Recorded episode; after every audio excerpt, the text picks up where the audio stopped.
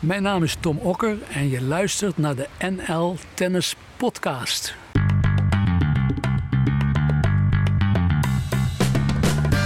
Welkom bij de NL Tennis Podcast, jouw maandelijkse portie tennis. In deze tijd van bevroren rankings en spelers die trainen tot ze werkelijk een ons wegen. Achter de microfoon ook dit keer Marcella Mesker en mijn naam is Jan-Willem de Lange. We gaan het hebben over Wimbledon. De spelers en speelsters, ja, die slaan een jaartje over. Dus voorlopig geen nieuwe kampioen. Maar gelukkig hebben we de historie nog. Want die staat bol van de mooie verhalen. Ja, en wat te denken van onze vaderlandse tennispioniers Betty Steuven en Tom Okker. Ze komen allebei uitgebreid aan het woord in deze aflevering. Hoe was het voor Betty om naast icoon Billie Jean King op de baan te staan? En hoe was haar band met Okker, haar generatiegenoot? En met hem bespreken we zijn duels tegen Borg en een jonge McEnroe, legende in de dop in die tijd. Zag Okker dat toen al aankomen? Goh, ik wist niet eens dat uh, Okker tegen Borg en McEnroe had gespeeld op Wimbledon. Ik ben benieuwd. En we horen van Henk Koster, tennisfotograaf in hart en nieren. En voor het eerst in 44 jaar niet in Londen in deze tijd van het jaar. Dat valt hem duidelijk nogal zwaar. Maar nu eerst Betty Steuven. Marcella kreeg haar aan de lijn en dat leidde tot een mooi gesprek. Betty kan goed vertellen en ze kan alles uit haar verleden nog goed terughalen. Dat is prettig nieuws voor de luisteraar. Veel plezier met luisteren. Hey Betty, um, hoe is het met je? Waar, waar, zit je? Ben je thuis in België? Ja, ik zit gewoon thuis. Ik, uh, we zitten in een lockdown al voor uh, sinds eind uh, maart natuurlijk. En doe het allemaal rustig aan. Ik uh, speel een beetje golf. Uh, we kunnen nog niet uh, onder de douche daar, dus dat wordt ook even wat anders. Je moet nog anderhalve meter uit elkaar zitten. Je moet de looprichting goed volgen. Je moet af en toe een, je masker aan als je naar de winkels gaat, maar dat doe ik maar één keer in de week. buiten wachten totdat er niet te veel klanten binnen zijn bij de slager.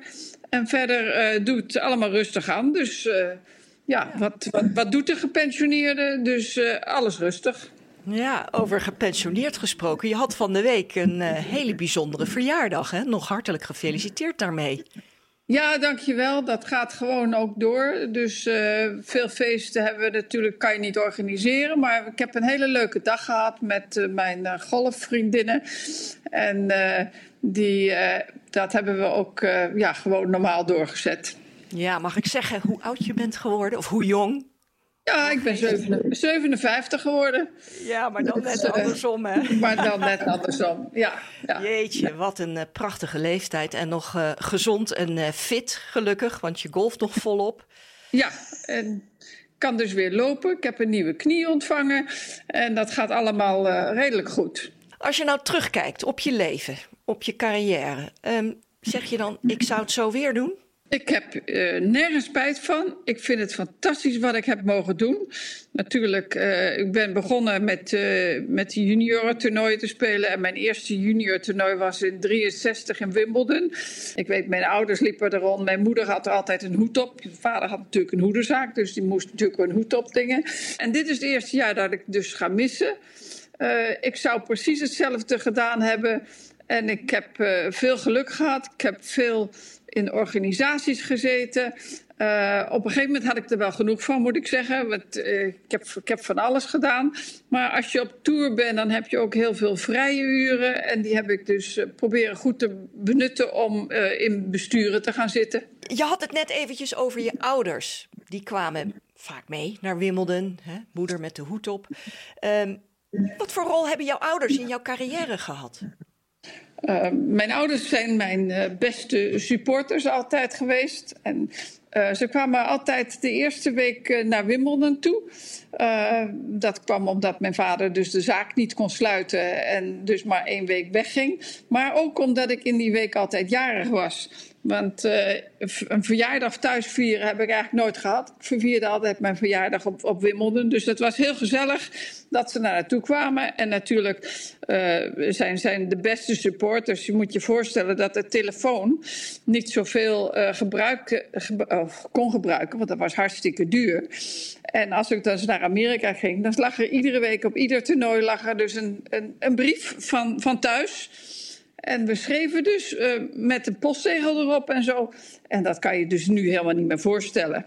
Jouw ouders waren uh, misschien wel de voorbeeldouders. Ja, samen met de ouders van Tom Okker. Want mijn ouders en Tom Okkers ouders waren ook natuurlijk goed bevriend. Uh, mijn vader werkte nog, Tom Okker zijn vader werkte niet. En als er dan een uitslag kwam over de radio... dan belde die naar mijn vader in de zaak van... Heb je het al gehoord? Ze heeft gewonnen of ze heeft verloren. Hè? En dat, dat, die, die band met die ouders waren, was enorm. Ja, en hoe was jouw band met Tom? Uh, mijn man was, Tom was, was, goed, maar Tom was op een gegeven moment uh, het, het mannencircuit ingegaan. En ja, we hebben dus op een gegeven moment ook in 1973 de WTA opgericht. En dat, dat liep helemaal niet parallel, maar dat was totaal. We hebben een eigen markt ontwikkeld om damestennis te promoten. En uh, ja, uh, Tom zat bij de, uh, de Handsome Eight, zoals gezegd, de acht mooie jongens. En hij zwierf dus ergens, vooral in Amerika, langs de banen. Ja, wij hebben hem onlangs nog geïnterviewd. En uh, nou ja, hij zei ook, hij was fan van jij. had jou die finale zien spelen in 1977 tegen Virginia Wade. En hij zei, ze had hem kunnen en misschien wel moeten winnen.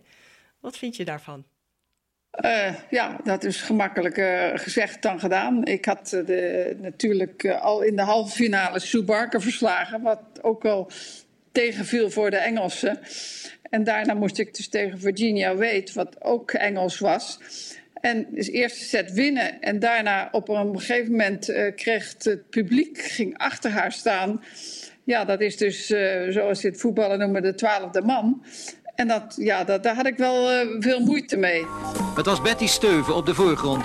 Die tegen haar Engelse tegenstandster Virginia Wade met uitstekend spel de eerste set met 6-4 won. Betty kreeg het daarna moeilijk, want Ginny, die geruggesteund werd door een zeer chauvinistisch publiek, kwam steeds beter in haar spel en liep in de tweede set uit naar een voorsprong van 3-0, mede door een aantal onnodige missers van Betty Steuven. Dus op een gegeven moment uh, dan, dan, knapt er iets in je. Je moet niet vergeten dat ik ook in, in de dubbel en de mix nog zat. Dus uh, ik ben een total tennister eigenlijk. En, en, niet alleen een singelaar. Maar de, de, overweldigende publieke belangstelling voor Virginia was natuurlijk enorm. En dat, dat, dat was dus moeilijk voor mij. De 14.000 Engelsen in het tennisstadion vierden uitgelaten de overwinning van hun landgenoten. Die het ereteken, de gouden schaal, uit handen van koningin Elisabeth ontving. Een teleurgestelde Betty Steuven zou een dag later ook nog in twee dubbelspelfinales als tweede eindigen als je nog eens die, die, die mediaverhalen terugleest uit die tijd, ja, soms had je het idee van dat Tom toch iets meer op de voorgrond stond dan jij. Um, vind je dat jammer of, of had je daar last van? Uh, nee, dat is, uh, toen de tijd was dat heel normaal. Mannen waren belangrijker dan vrouwen. En dat is uh, heel lang doorgegaan, tot zelf met Equal Prize Money. In begin jaren 2007, geloof ik, hebben we Equal Prize Money gehad in, in Wimbledon. We hebben dat veel eerder gehad in Amerika, want daar stond dus Virginia Slims, die stond achter ons en die betaalde gewoon het verschil bij. Als de mannen zoveel kregen, kregen de dames ook zoveel. Dus uh, die inhaalmanoeuvre hebben we, hebben we gehad. En uh, ja, dat, dat is nog steeds een beetje zo in, in, in, ook in, in de hele...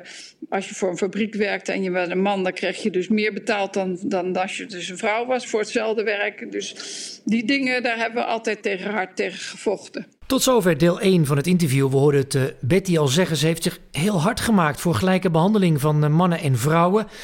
Ja, je zou kunnen zeggen dat ze haar tijd ja, wel vrij ver vooruit was daarmee... En dat pionieren, zo kun je het wel noemen, daar gingen ze na haar actieve carrière gewoon volop mee door. Zo was ze een van de eerste vrouwelijke coaches op de damestoer. Ze maakte van de Tsjechische Hanna Mantlikova een echte kampioen die goed was voor, jawel, vier Grand Slam titels. Een groot speelster dus. Goed, Betty Steuvens heeft haar sporen dus verdiend als speelster en coach. En dat maakt nieuwsgierig hoe zij, met haar getrainde oog, naar Kiki Bertens kijkt. Dat gaan we nu horen Terug naar het interview. Je kent Kiki natuurlijk goed, je, je volgt haar. Denk je dat er nog meer in het vat zit voor haar? Uh, nou, ik, het wordt verrassend hoe iedereen uit deze uh, coronavirus uh, eruit zal komen. Want ze missen natuurlijk een beetje het, het ritme van, van, het, van het reizen en trekken en het spelen en het oefenen. Dus die rust die zal wel ook wel goed gedaan hebben. Maar wat, wat gebeurt er en wie speelt er straks in Amerika en wie komt er wel en wie komt er niet? Wie, wie heeft het lef om daar naartoe te gaan? Want dat, wordt, dat is ook nog maar de vraag. Ik denk nog wel dat ze een, een, een, een, een, een strapje hoger kan staan. Nou ja, vier heeft ze eventjes uh, gestaan. Dus uh, uh, misschien die top drie even aanraken, dat hou jij wel voor mogelijk. Ik hou dat wel voor mogelijk, maar dat, ik kijk altijd naar de ranking aan het eind van het jaar. Dus waar, waar ben je aan het eind van het jaar? Wat vroeger werd dat bij ons ook zo gedaan. Aan het eind van het jaar had je een ranking. En nu kan je dus uitrekenen, ook met bepaalde punten, wat je wel af wil laten gaan en wat je dus nieuw op wil zetten. Het, uh, het is een ander spelletje geworden. Maar ik vind er, ze doet het fantastisch en ze is een, is een goede atlete. Ja, jij bent zelf coach geweest. Zeer succesvol van Hanna Mantlikova, viervoudig Grand Slam winnares. Um, als jij Kiki zou coachen, wat zou je dan uh, tegen haar zeggen? Waar zou je aan werken? Uh, ik, denk, ik denk in het, in het gevoelsspel. Ik, uh, vooral dat ze dus door haar harde slagen, zowel van backhand als voorhand heeft, heeft ze dus veel meer kansen om naar voren te komen en de punten te verkorten om ballen uit de lucht te nemen en, en meer te slaan. Maar ik heb er ook aangeraden om meer te gaan dubbelen, zodat ze dat meer aan het net komt. Ja, dat deed ze in het begin natuurlijk wel. Dan was ze ook succesvol in met Johanna Larsson. Ja, dat heeft ze dus uh, drie jaar geleden eigenlijk uh, is dat niet meer doorgegaan. Toen heeft ze zich op de single geconcentreerd. Maar kijk, dat kost enorm veel energie. En als je dus op het schema kijkt, als ze dus alleen maar single speelt, kan ze ook later op de dag spelen. En dan speel je dus maar één wedstrijd. Terwijl je als je dubbel speelt, dan speel je vroeger op de dag. Want je moet dan ook nog een dubbel daarna spelen. Maar het is de ontwikkeling van, van het spel. Wat zij dus ja, uh, een beetje gemist heeft eigenlijk. Of door die dubbel. Maar als ze dubbelde, stond ze ook veel achterin. En ze moet zorgen dat ze veel meer naar het net komt, zodat ze veel meer kan ingrijpen. Um, nog even terug naar uh, Wimbledon. Uh, als je nou naar al die jaren kijkt, natuurlijk die finale ook in 1977. Welke partij of partijen springen er nou voor jou nog uit?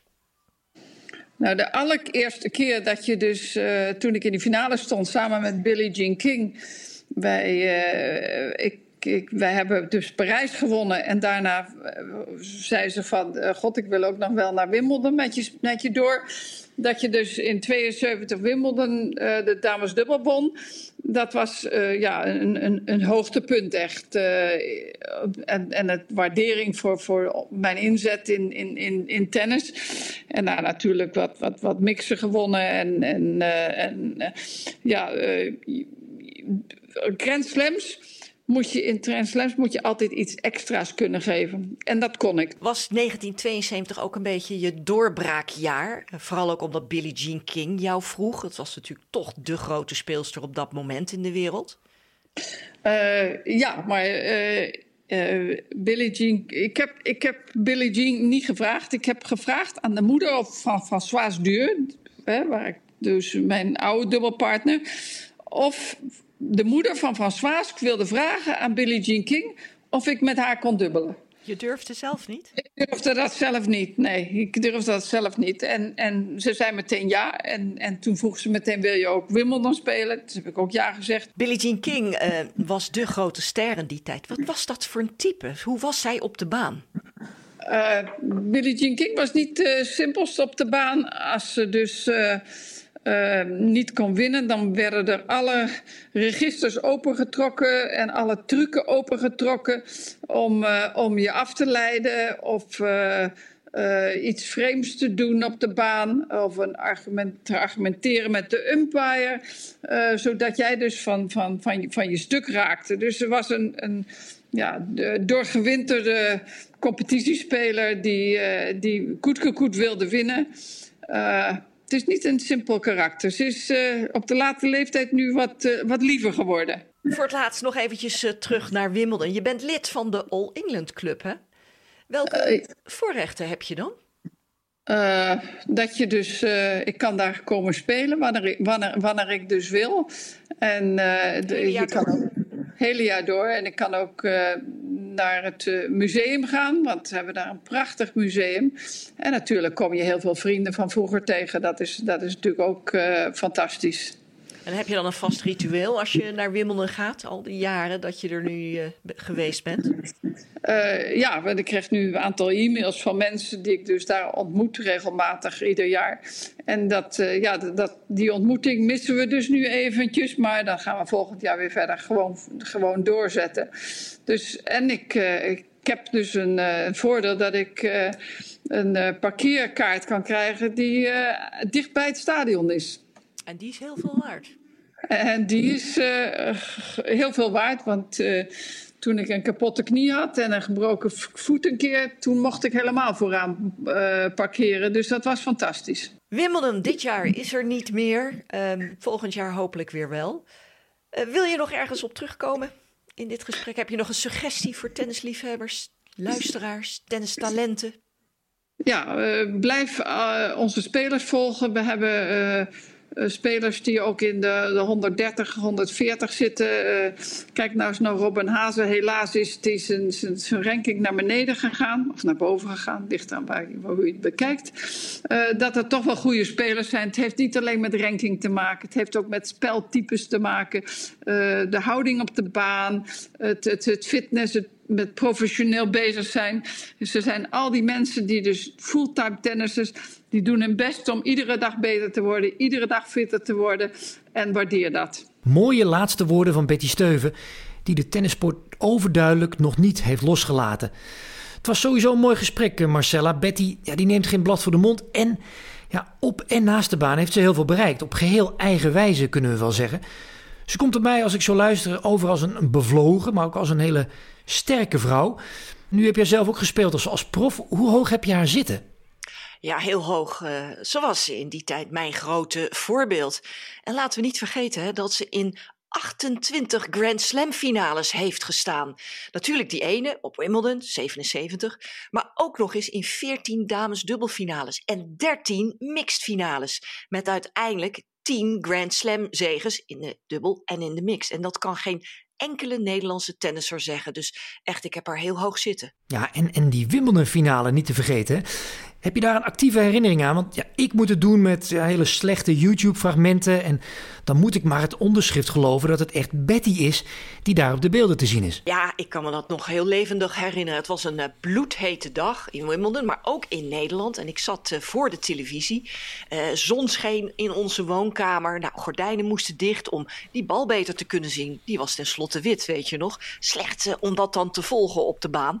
Nou, en zo heb ik die wedstrijd gevolgd en met Betty meegeleefd. Ja, Betty die, die gold dus echt als, als voorbeeld voor de vrouwelijke Nederlandse tennisprofs die na haar opstonden. Net zoals Tom Okker dat was voor de Nederlandse heren. Tenminste, dat neem ik even aan. Jazeker. Uh, Okker was een pionier in de tijd. Toen kwam er een tijdje niks. En toen kwam Michiel Schapers. dat was een leeftijdsgenoot van mij.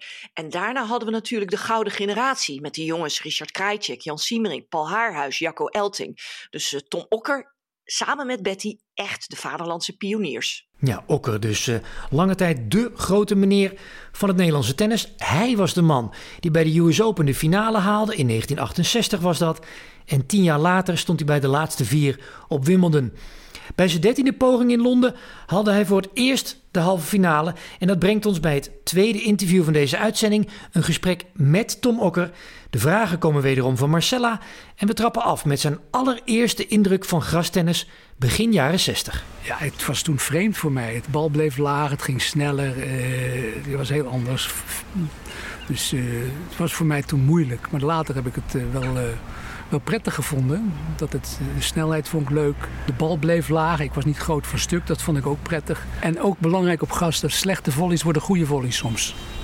Oh ja? Dus dat is, ja, want is, als je een, beetje een halve volley hebt, een slappere volley, die, die komt bijna niet op. Die blijft zacht en laag op het gas. En soms is dat een hele, heel goed op een bepaald moment.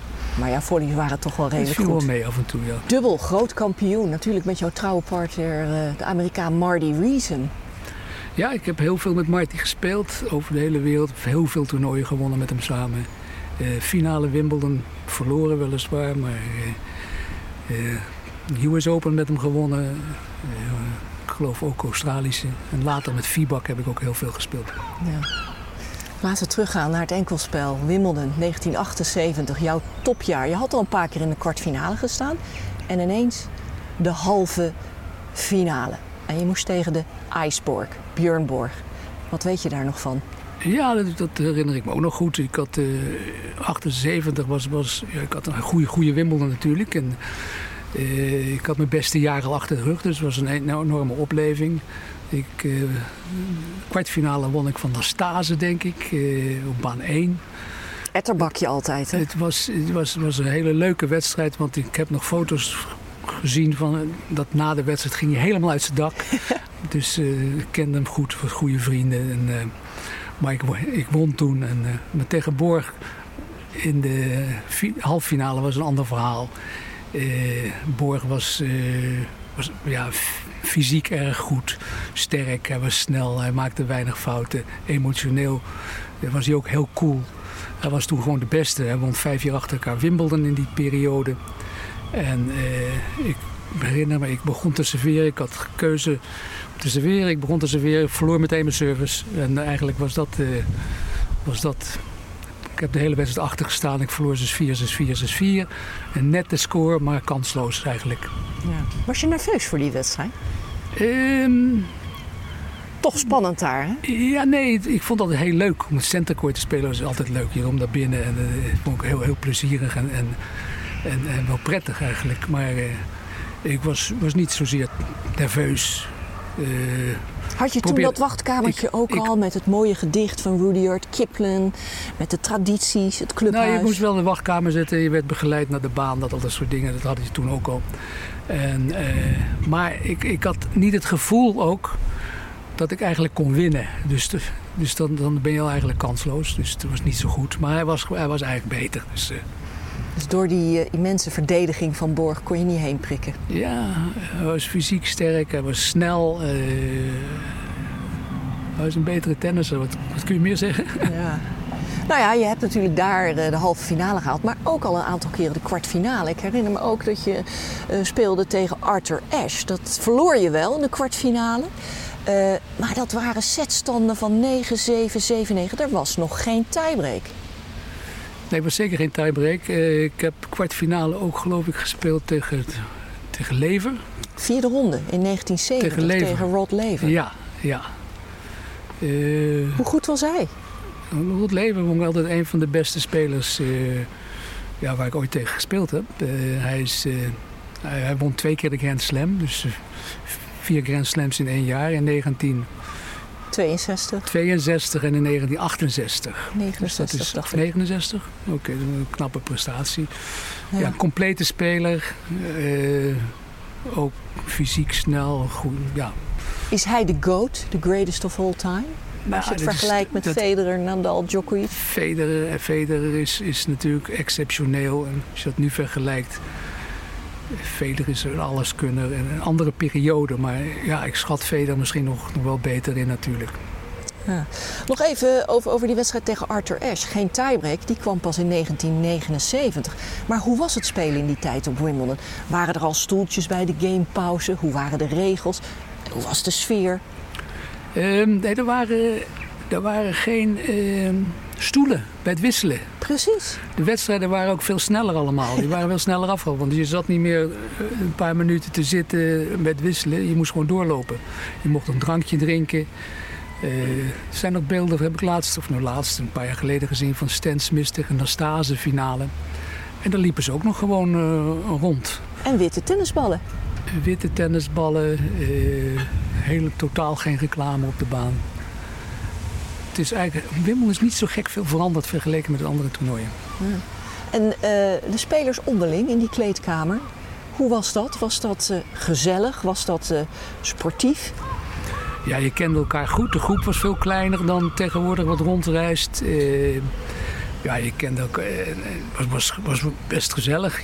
maar meestal waren het wel redelijk goede vrienden. Een paar paar moeilijke jongens waren er altijd wel bij. En, eh, maar voor de wedstrijden, ja, dan ging je niet vriendelijk met ze in conversatie en zo. Dan zondag zit er wel een beetje af en dan concentreerde je wel op de wedstrijd. Ja. Zo'n beetje in de tachtiger jaren begon het serieuze werk. En in 1980 heb jij zelfs ook nog gespeeld tegen John McEnroe. Je verloor die wedstrijd wel, maar hij was natuurlijk de coming man. En dat was het jaar dat McEnroe tegen Borg in die finale speelde. Ja, ja. Wat Ja, weet ik- je nog van McEnroe? Ja, die was toen ook al een stuk beter. En eh, ik heb een paar keer tegen hem gespeeld. Ik geloof één, één, één keer van of twee keer van hem gewonnen. Ik weet niet meer. Maar, eh, maar meestal wel verloren. Eh, hij was eh, ja, hij was heel talentvol ook. Een hele goede pols had hij. Hij kon, kon met zijn backhand kon hij ook met wat topspin slaan. Wat toen in die tijd ook niet zo gek veel gebeurde. Eh, maar hij was natuurlijk heel moeilijk en vervelend om tegen te spelen. Ook qua gedrag? ja, gedrag. Ja. Ja, het spel, het spel is oké. Het spel is natuurlijk heel goed. En ik vond het altijd wel leuk om tegen goede tennissers te spelen. Want ook goede slagen waar, die voorbij gaan, die, eh, dat kun je appreciëren, vind ik. Maar hij, eh, hij misdroeg zich op de baan. Hij schreeuwde als, eh, tegen scheidsrechters. En hij was soms heel erg vervelend en hinderlijk. Ja, en daar had je ook last van als je tegen hem speelde. Ja, niet zozeer. Ik vond het altijd. eh, dus som- sommige scheidsrechters waren een beetje bang van hem. En dat, is, dat vind ik dan wel hinderlijk. Want de scheidsrechters eh, die moeten niet beïnvloed worden. En dat gebeurde toen in die tijd ook wel een beetje.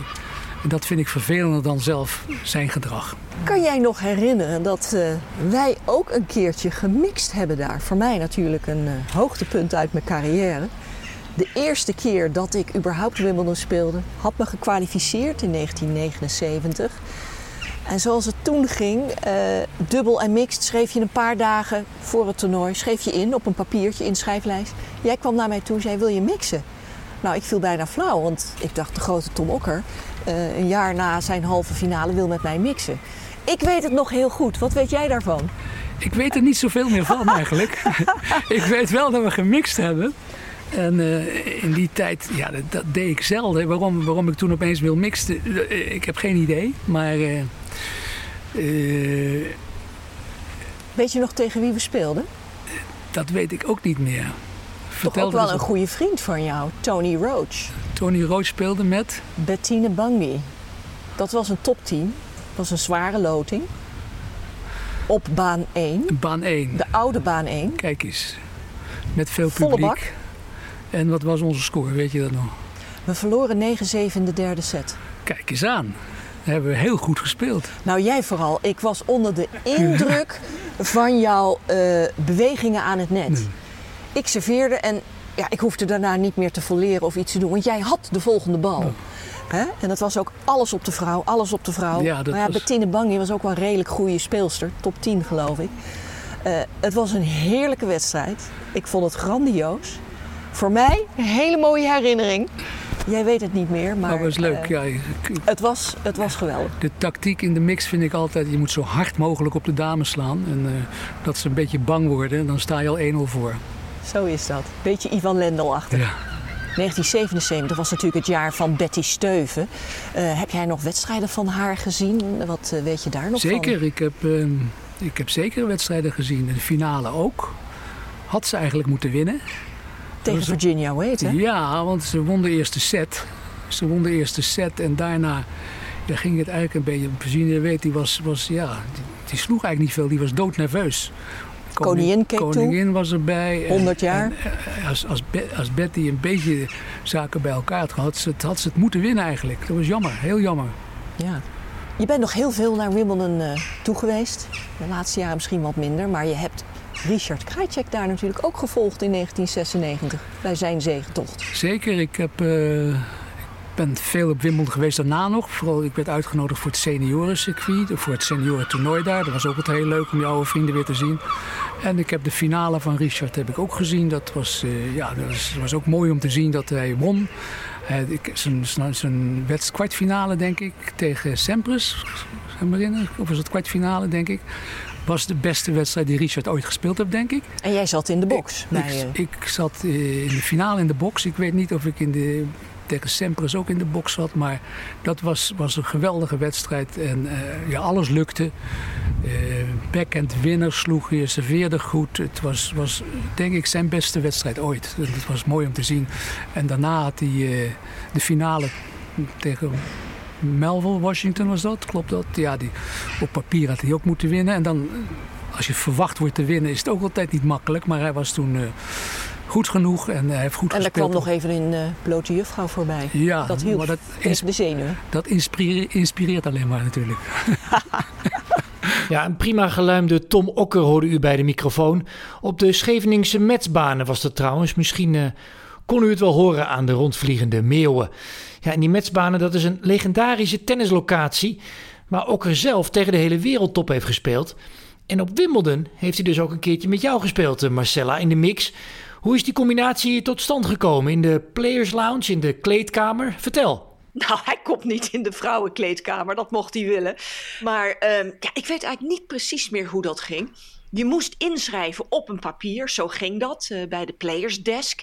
En ik denk dat ik hem gewoon tijdens het trainen op Wimbledon tegenkwam.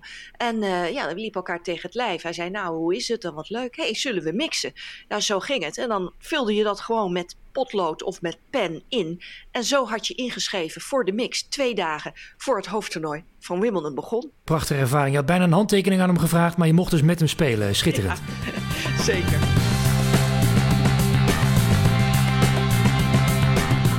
Tot slot nog wat uh, kort nieuws om deze aflevering uh, mee af te sluiten.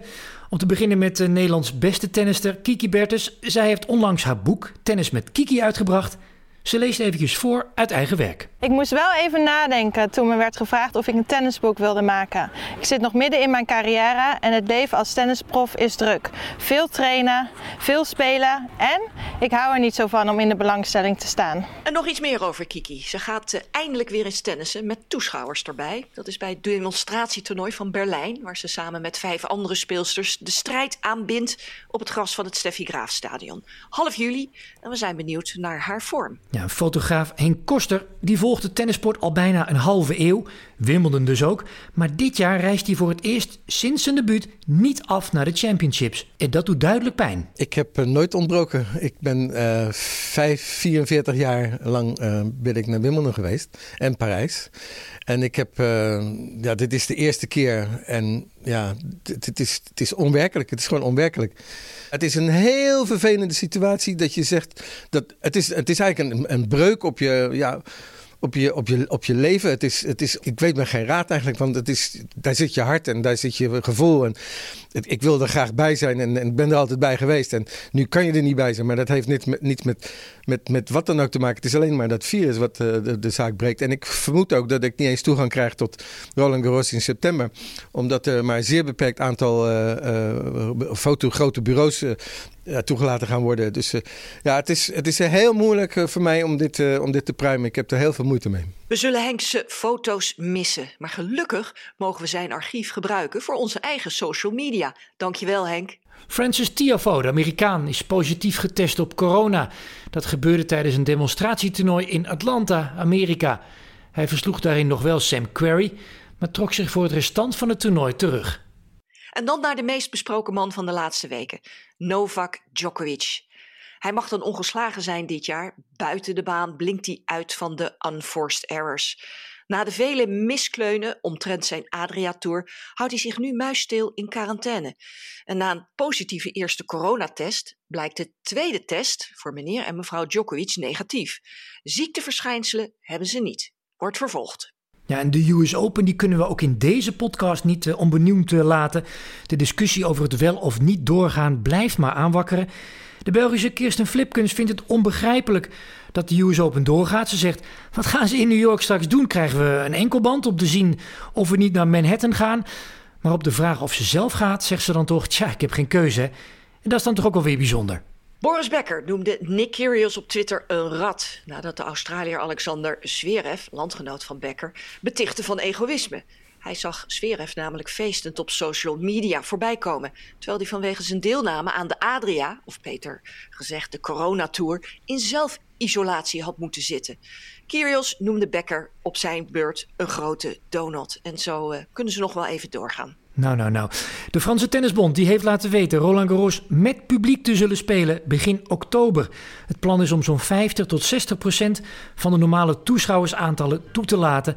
Dat komt neer op zo'n 20.000 fans voor de eerste rondes en 10.000 voor de finale. Op 16 juli start de ticketverkoop. Wees dus alert. Tot zover deze NL Tennis Podcast. Luister je met plezier? Abonneer je dan gratis via Spotify of iTunes. Dan krijg je automatisch een seintje als de volgende aflevering online staat.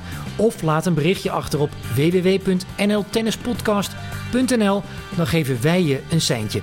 Ook vinden we het fijn als je suggesties hebt voor een gast bijvoorbeeld. Laat het horen op nltennispodcast.gmail.com. En we zijn er weer op dinsdag 4 augustus met een special à la Kiki Bertens. En we kunnen nu al verklappen dat het weer een aflevering met een bijzondere gast wordt. Een supercoach uit de tenniswereld. Iemand die ondanks zijn hele mooie cv in Nederland nogal onderbelicht is. Ik heb het over, jawel, Sven Groeneveld. We verheugen ons er nu al op. Tot de volgende keer. Dag. Dag.